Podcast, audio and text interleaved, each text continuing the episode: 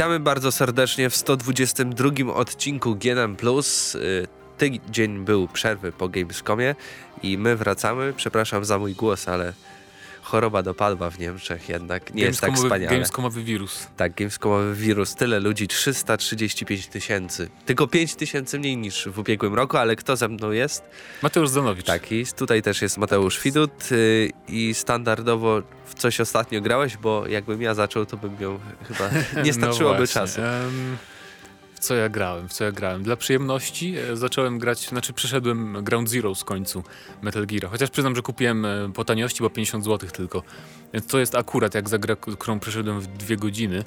Mm, no jeszcze zostały mi poboczne misje, ale bardzo mi się e, jakby spodobało i cieszę się. Znaczy teraz będę jeszcze bardziej czekał na, na Metal Gear tego pełnoprawnego piątkę, bo no bo jednak jak próbowałem na przykład na Wicie sobie wrócić do Metal Gear trójki, to tam, tam sterowanie w tych starszych grach jest już tak toporne i archaiczne, że jednak cieszę, cieszę się, że powstaje właśnie nowy Metal Gear taki unowocześniony. niektórzy narzekają, że to mm, wiesz, tam jest za bardzo przypomina Splinter Cella czy coś takiego, ale mi to w ogóle nie przeszkadza i bardzo przyjemnie się w to gra. Ale mm. dałbyś 130 zł za niecałą nie, nie, dlatego, za godzinę Dlatego rozgrywki. czekałem właśnie, aż będzie taniej, nie? I tak sobie patrzę, jeszcze zniżka była dla plusowiczów na PS4, więc kupiłem e, właśnie w promocyjnej cenie. No i co, kończę jeszcze, przyszedłem z Killzona Shadowfall w końcu. No i jak? E, fabularnie? Pod koniec już jest tragedia, moim zdaniem. Nic mi się w tej grze nie spodobało poza widokami praktycznie. I, no. i, i, poza multi. W multi mi się całkiem przyjemnie gra. I to jest o wiele lepsza część niż, niż, niż kampania fabularna. Co ciekawe, nawet jakoś steruje mi się wygodniej w multiplayerze. Nie wiem, jak to działa, ale w każdym razie multi mi się spodobało i spędzę w tym pewnie więcej czasu na pewno niż, e, niż w tej kampanii. W ogóle grałem nawet na easy, a i, a i tak zdarzyło mi się umrzeć parę razy.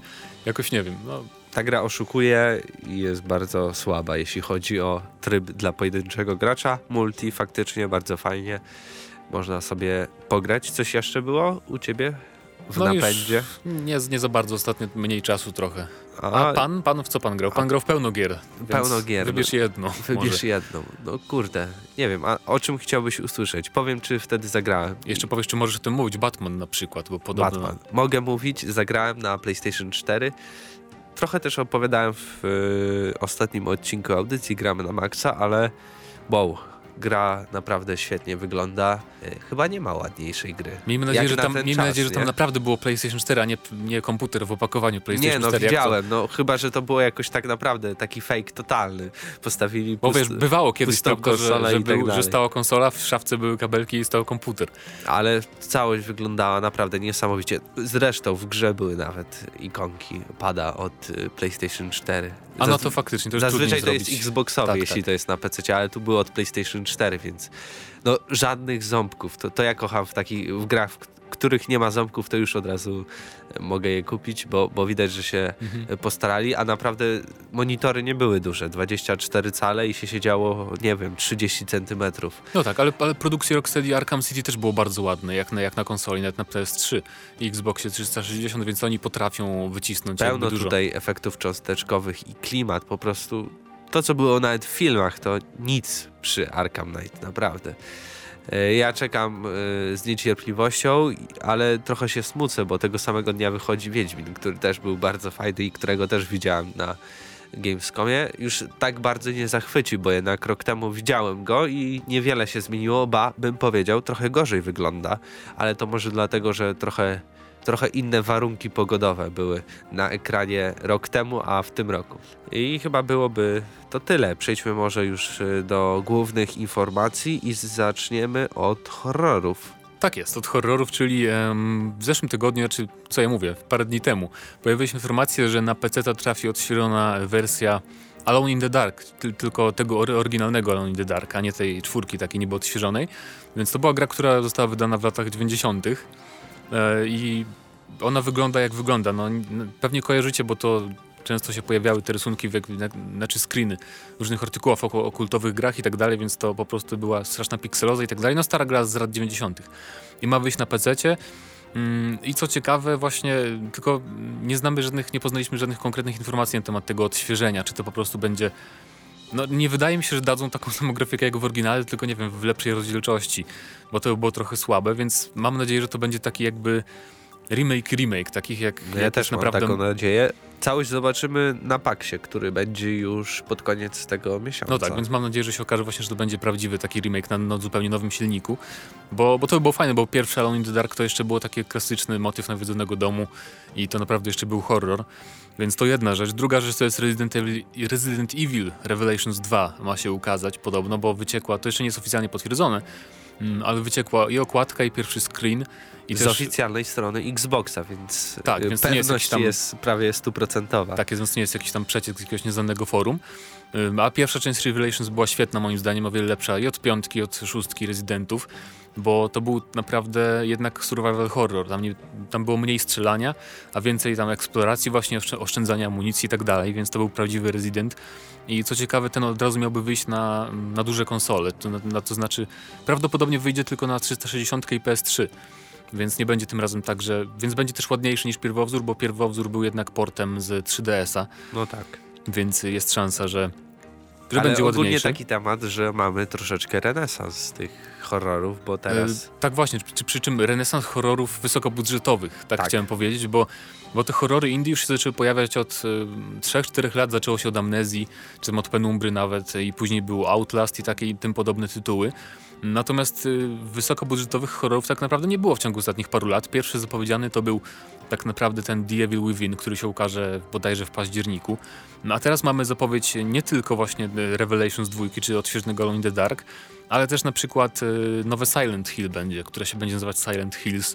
Nie wiadomo czemu, ale właściwie mm, zauważalny zdecydowanie jest trend powrotu horroru. No i w takiego... ogóle główna perełka konferencji Sony, Until Dawn też no ma tak, być to horrorem. też, to też, to fakt. Co przebudowana gra, co ciekawe, strasznie ją przebudowali. Nie wiem, czy pamiętasz te pierwsze zapowiedzi. To tak, było, że pamiętam. Szliśmy tam, mieliśmy sterować mówem i iść tylko po lesie i tam nic się za bardzo nie miało dziać. Tam miało być takie bardziej experience, tam doświadczenie, a zrobili z tego horror. Więc to jest moim zdaniem ciekawe i bardzo, bardzo pozytywne zjawisko, że właśnie powraca ten gatunek. Tym bardziej, że te indyki horrorowe, one zawsze były raczej podobne do siebie. Znaczy mieliśmy widok z oczu bohatera i bohater zawsze był bezbronny praktycznie, prawda? A tu jednak m, będą się pojawiać takie horrory właśnie jak Resident, czy mm, Silent Hill, czy ten Devil Within, czyli będzie widok jednak z zapleców bohatera, czyli taki bardziej no już mniej trochę survival, ale taki, że będziemy mogli jednak się obronić, walczyć i tak dalej, więc będzie większa różnorodność tych horrorów.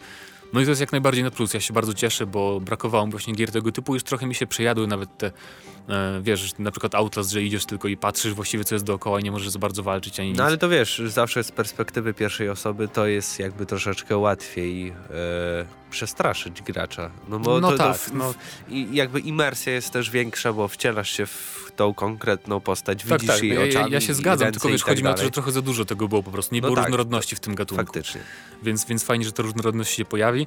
I też co ciekawe, Silent Hills, bo nie wiem, czy mówiliście o tym na audycji, mm, czy nie za bardzo. Zapowiedzieli, nie, nie, dużo nie mówiliśmy, bo, bo nie widzieliśmy, ani nie byliśmy na żadnym pokazie. Tyle, co chłopaki byli na no, konferencji razie, i zobaczyli razie, PT. W każdym razie Silent Hills e, od Konami oczywiście, przy czym e, co ciekawe będzie się tą grą zajmował Hideo Kojima, czyli to będzie właściwie jego pierwsza gra duża nie będąca Metal Gearem, więc to będzie bardzo ciekawe i e, też robi tą grę we współpracy z Guillermo del Toro, czyli reżyserem chociażby Pacific Rima czy Labiryntu Fauna, więc to będzie dwa takie umysły, jak się zderzą, to stworzą wow. coś naprawdę atmosferycznego, można się spodziewać. E, tylko też mam nadzieję, że to będzie właśnie jednak e, tradycyjny Silent, Silent Hill, czyli widok z pleców. Jakoś nie wiem, czy by mi się podobał. To nie byłby Silent Hill, gdyby było pierwszoosobowa perspektywa. Ale, no, ale w tym PT demie mamy z perspektywy pierwszej osoby. No tak, no tak. Przy czym to, nie, to nie ma być, wiesz, to nie ma być demo jakby Silent Hilla nowego, tylko to ma być no, ta, ta, ta, gra nie ma nic, nic, wspólnego za bardzo z tym Silent Hillem, więc zobaczymy. Kojima tam powiedział, że zastanawia się nad perspektywą mieszaną, czyli że czasem będzie, wiesz, z oczu bohatera, czasem z zapleców, bo tam główną rolę w tym Silent Hills ma grać Norman Reedus, tak? Czyli gościu, który gra tego z kuszą w The Walking Dead, zapomniałem jak się nazywał, Daryl bodajże. Więc nie sądzę, żeby zrobili, wiesz, pierwszoosobowy, bo właściwie nie byłoby go widać w ogóle, tego aktora, no jak, jak zrobili FPP, więc ciekawe. Zobaczymy. W każdym razie ja się bardzo cieszę, mówię, z tego renesansu takich wysokobudżetowych horrorów, bo niezależne też są dobre, ale jednak dobra jest różnorodność też i się cieszę, że coś takiego następuje. No czekam na wasze komentarze, co sądzicie o tych zapowiedziach różnych horrorów. Czy czekaliście? Chcieliście w ogóle zagrać w kolejne horrory, czy jednak wolicie strzelanki, strzelanki, boom, wybuchy i tak dalej? E, czy się cieszycie z tego Alone in the Dark? Może w końcu coś ta marka wróci do świetności troszeczkę, bo to ostatnie było ciekawe, nie powiem. Nie, nie była to bardzo zła gra w, w przeciwieństwie do, do recenzji, jakie dawali redaktorzy jej, ale, ale to nie było nic świetnego. E, tak więc wypowiadajcie się w komentarzach, e, czekamy na Wasze opinie, a my teraz przejdziemy do tematu związanego z SharePlay, czyli technologią od Sony. Ja na konferencji nie byłem, ale ty konferencję oglądałeś i moi redakcyjni koledzy też byli na konferencji i pokazano tam troszeczkę więcej, opowiedziano troszeczkę więcej o SharePlay, czyli technologii, w której albo funkcji, usłudze, której możemy Dzielenie podzielić się, grami, się tak. grami, nie wychodząc z domu. Wow, coś świetnego. Znaczy, tak właściwie to, tą funkcję już zapowiedziano w lutym z ubiegłego roku, kiedy zapowiadano PlayStation 4. Tam było tam, że będziesz mógł niby się dzielić, tam wirtualny salon i tak dalej.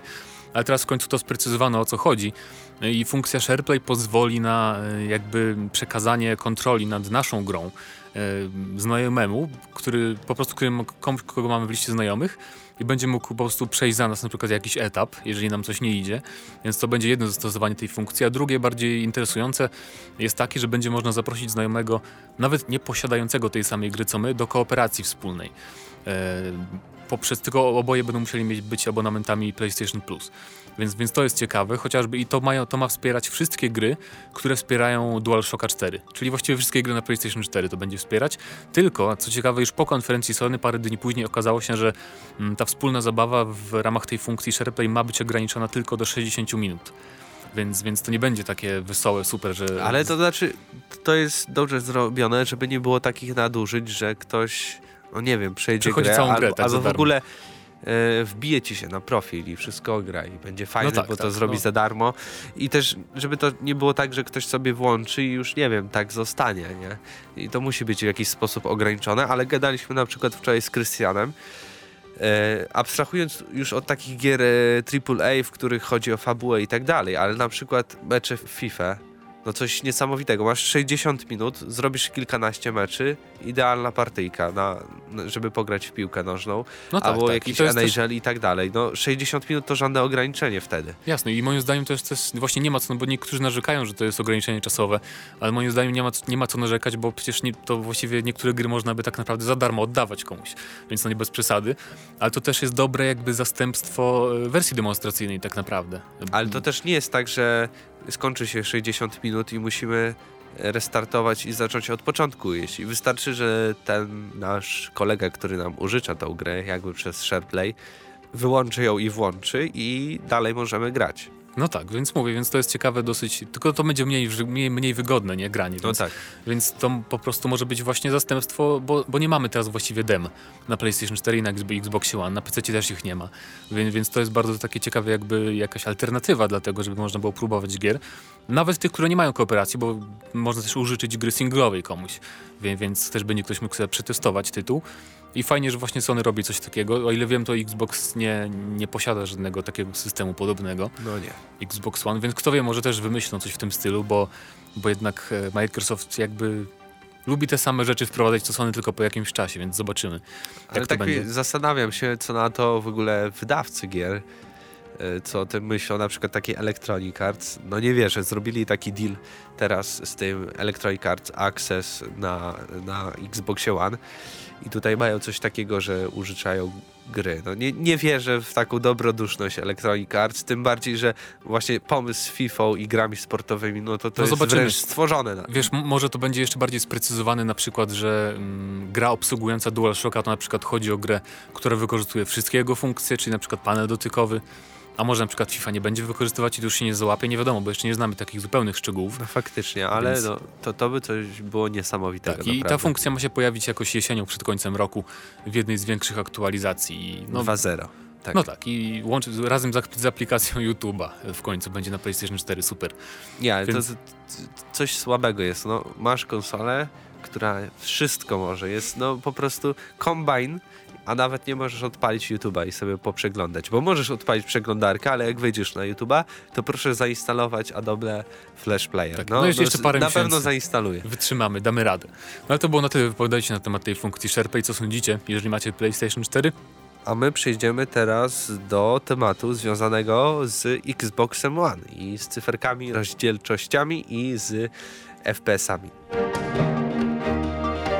Mikroafera wynikła w związku z Diablo 3 Mikroafera, celowo, Souls. celowo, tak? Gra słów? Tak. Microsoft. A o tym nawet nie pomyślałem, wiesz.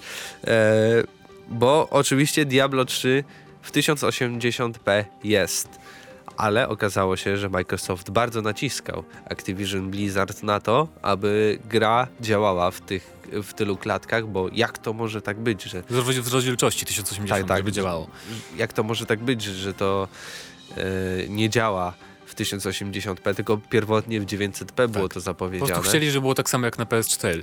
No i im pomogli, bo oczywiście nowa aktualizacja e, sprzętu była ta firmware, e, kolejny był, który odblokowywał te 10%, 10% Kinecta, e, ale co się okazało, okej, mamy to 1080p, ale naprawdę klatki skaczą. No tak, przy czym, y, bo kiedy działała Di- Diablo 3 działała na Xbox One w 900p, to było równe 60 klatek przez cały czas. Natomiast teraz, kiedy wprowadzono to 1080p, to y, są spadki animacji, ale no, znaczy one nie są tragiczne jakieś, no nie można, nie. trzeba zaznaczyć, że y, one tam spadają chyba maksymalnie do 40 paru, czy do 50 nawet, więc to nie jest jakaś nawet zauważalna może różnica, ale jednak spadają czasem, kiedy są tłumy wrogów i tak dalej. Więc je, jest to pewne jakby, no bo sam Blizzard, skoro wyznaczył sobie cel 900p, to chyba jednak zależało im bardziej na 60 klatkach stałych.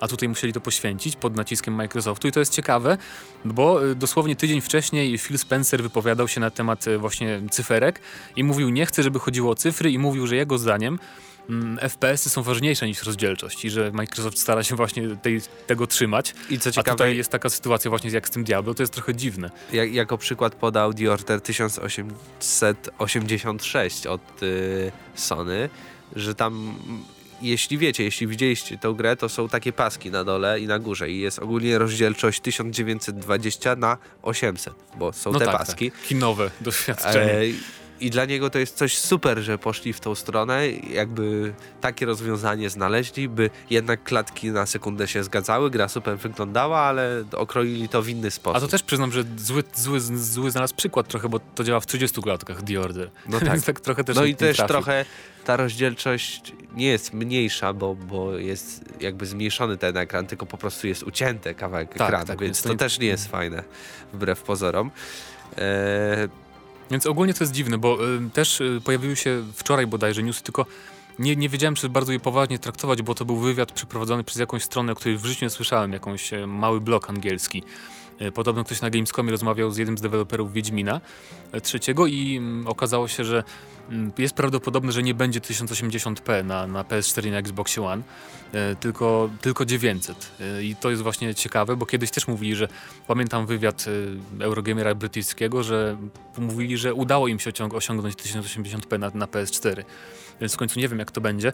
Ale też chciałem zaznaczyć, że moim zdaniem jeszcze 900 rozdzielczość na, na konsolach jest jeszcze znośna, moim zdaniem. Bo nie widać takiej tak, różnicy, Rise, naprawdę. Rise wyglądało świetnie na przykład i tam nie było żadnych pasków ani niczego i wyglądało bardzo dobrze. 7- 720 to już jest faktycznie przesada, to jest za mało i to jest raczej niedopuszczalne, ale 900 jeszcze jest ok, szczególnie jeżeli mamy, nie wiem, kosztem rozdzielczości, kosztem FPS-ów, przepraszam, zwiększać sztucznie rozdzielczość do 1080, więc no ciekawe jak to jest. Moim zdaniem nie trzeba za bardzo cisnąć. No już pogódźmy się z tym, że te konsole nie są komputerami po prostu, nie? No I tak. trudno, że Ale kupujemy... 900p musi być 30 klatek. To, to jest minimum, tak, jeśli minimum. chodzi Mhm. o tą generację i mam nadzieję, że nigdy nie będzie schodziło w dół, chociaż na przykład grałem w Dying Light na Xboxie One, to ja tam nawet nie widziałem 720p.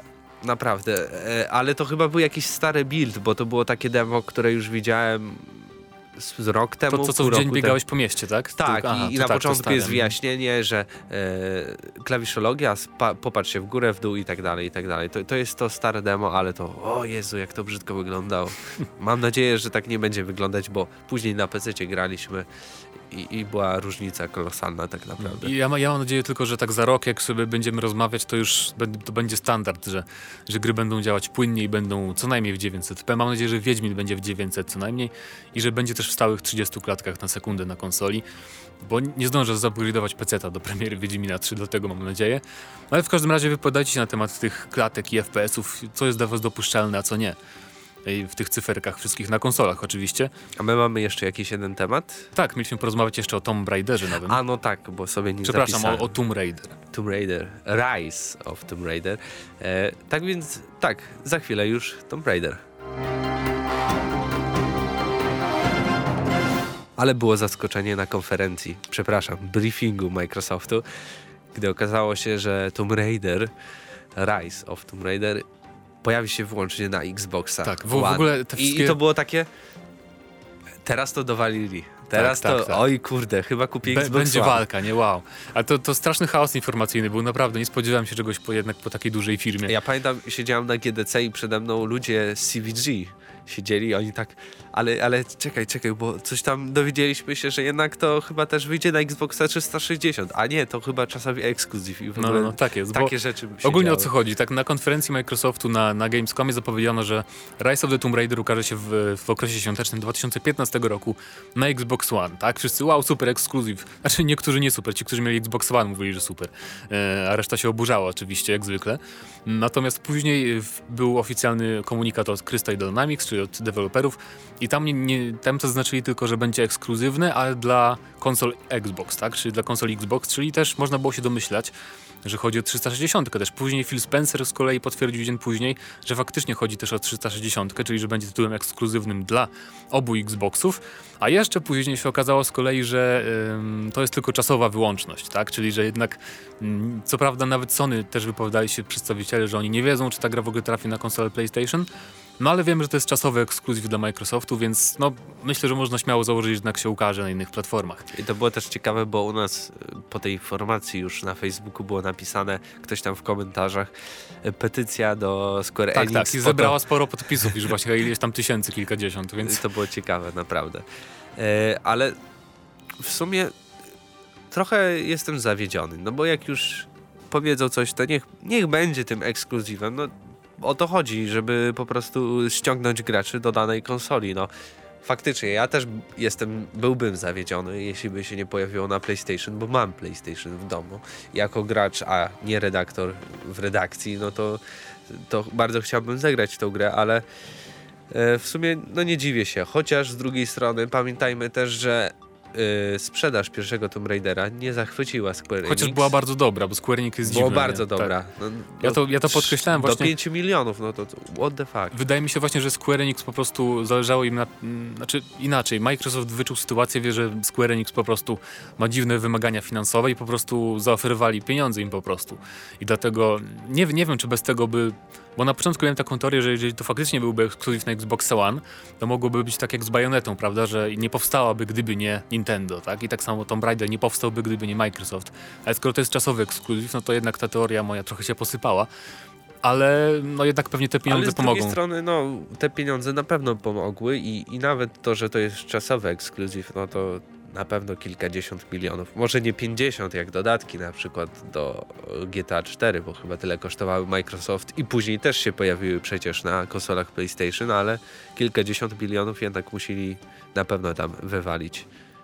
No tak, przy czym tylko nie wiadomo jeszcze, jakby sam Microsoft nie chciał zdradzić, na ile jest to umowa o czasowość, czy są wyłączność, bo to może być tak jak było z Rise na przykład, może być rok, y, jak z Dead Rising 3, więc nie wiadomo ile to będzie trwało, bo Spencer nie, nie chciał zdradzić, no ale zobaczymy, w każdym razie nie obawiajcie się, jeżeli, jeżeli podobał wam się ten nowy Tomb Raider, to jest szansa, że zagracie na PC też czy na PlayStation. E, tylko też szkoda, że, bo też dowiedzieliśmy się, że to będzie na 360, więc szkoda, że to będzie gra crossgenowa. No tak. Pod koniec 2015 roku, żeby gra wychodziła jeszcze na, na poprzednią generację, no to jest moim zdaniem słabe trochę i dziwny ruch ze strony twórców. Czy tam znaczy, widać, Square że to Square Enix no tak, robiło, tak, tak. bo hajs się nie będzie zgadzał. Przecież tyle nie sprzedało się Xboxów One, Boże, co zrobimy, a tyle hajsu wydamy. No niestety to są panowie, którzy jakoś w dziwny sposób prowadzą swój interes. No, Może jakby nic. Wiedźmin 3 się sprzedał 3 do 5 milionów egzemplarzy, to sądzę, że to byłoby, nie wiem, euforia na ulicach dla CD Projektu Red. A taki Square Enix, uch, porażka nasza wielka. Ale wypowiadajcie się w komentarzach, czekamy na wasze opinie o tych wszystkich informacjach, yy, które przytoczyliśmy w dzisiejszym odcinku i razem z wami byli Mateusz Zdenowicz i Mateusz Widu. Trzymajcie się.